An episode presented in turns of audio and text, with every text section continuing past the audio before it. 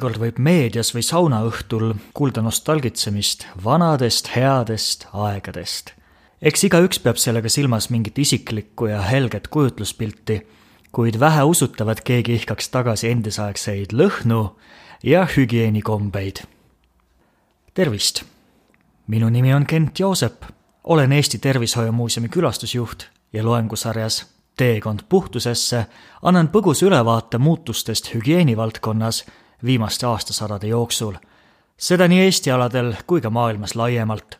teises episoodis kõnelen endisaegsest suhtumisest pesemisse ja kehalõhnadesse.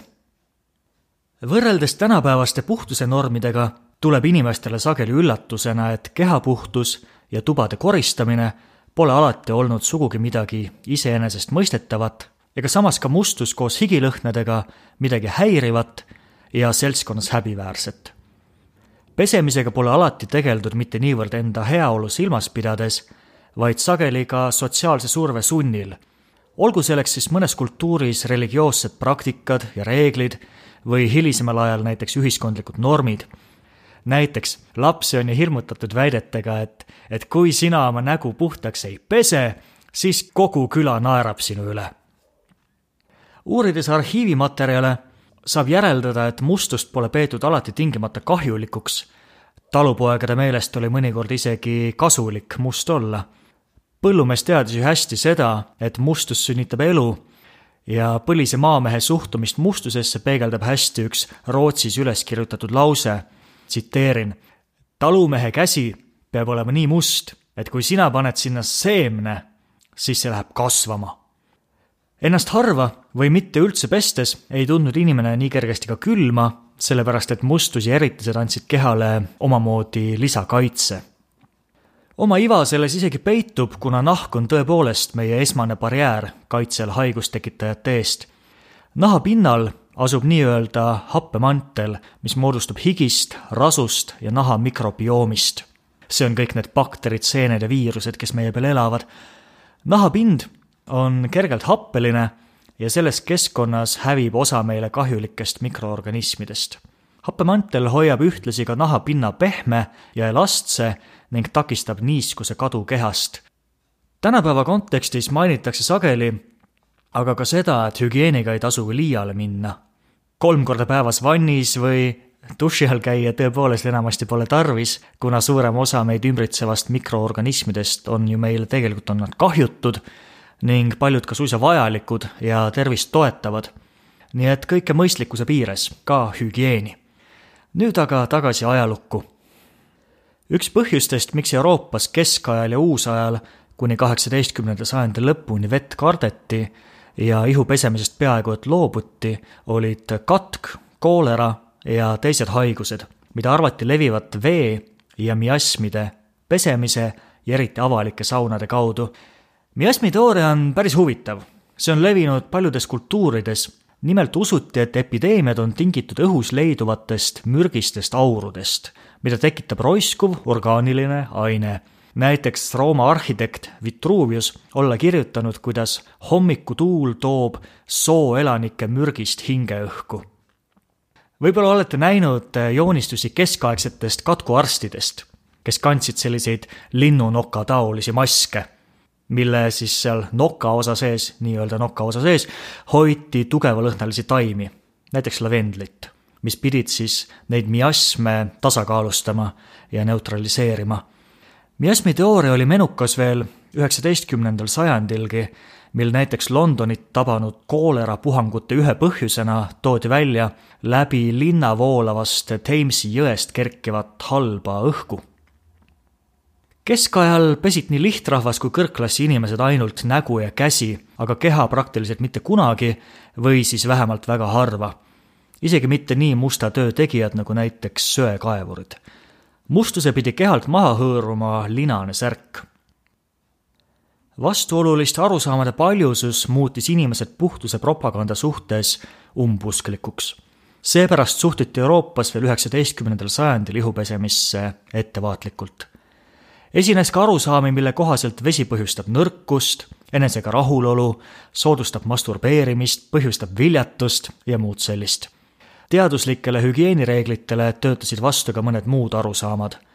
näiteks, et sage pesemine lõhub riiet, põhjalik tubade koristamine on lihtsalt aja raiskamine, mustusekoorik aitab säilitada head jumet ja nõnda edasi. lisaks peeti arstide ettekirjutusi lihtsalt tüütuks ning selles nähti ka linnasakste soovimatut külaellu sekkumist. igapäevase ihupesemise vähest tähtsust Eesti külas kinnitab ka see, et taludes puudusid erilised anumad käte ja näo pesemiseks. Neid siis pesti lihtsalt kappades või savikaussides, mida kasutati tihti ka teistel otstarvetel. Eesti aladel hakkasid arstid ja tervishoiu edendajad lihtrahvast hügieeniteemadel süsteemsemalt harima kaheksateistkümnendal sajandil, trükiti erinevaid sanitaarkatekismusi, käsiraamatuid ja muud taolist seal anti lihtsas sõnastuses õpetussõnu puhtuse ja tervise hoidmise kohta.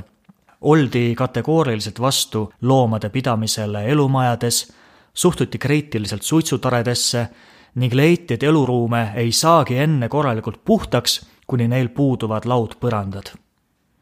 kahekümnenda sajandi alguses välja antud puhtuse katekismusest võis lugeda seitset käsku. ma kannan need teile ka, ka ette. esimene käsk tuulutage tihti tubasid, asemeid ja riideid. puhas õhk ja päike hävitab tõbe. teine, tolmus peitub tihti tiisikuse tõbi. ärge pühkige põrandaid kuivade harjadega, vaid küürige märgade lappidega, et tolmu ei tõuseks.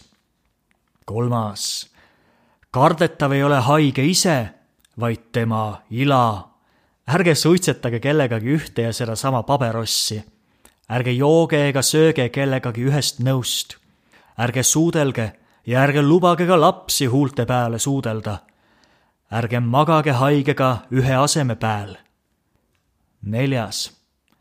valvake laste järele, et nemad raha, mängu ega muid asju suhu ei pistaks, sest tõbe leidub igal pool. Õpetage lapsi suud loputama. viies. ärge kurnake endid alkoholiliste jookidega hoidke parem iga kopikat toitmiseks. häätoit on tarvilik abinõu tiisikuse vastu. kuues, hoolitsege ihu puhtuse eest, käige tihti saunas, ärge hakake pesemata kätega sööma. ja seitsmes käsk, pöörake kohe haiguse algusel arsti poole, ärge andke haigusele võimalust kuni teie töövõimetuseni idaneda Need on seitse kõige algastmelisemat käsku, mida inimene iseenese tervise hoidmiseks täitma peab.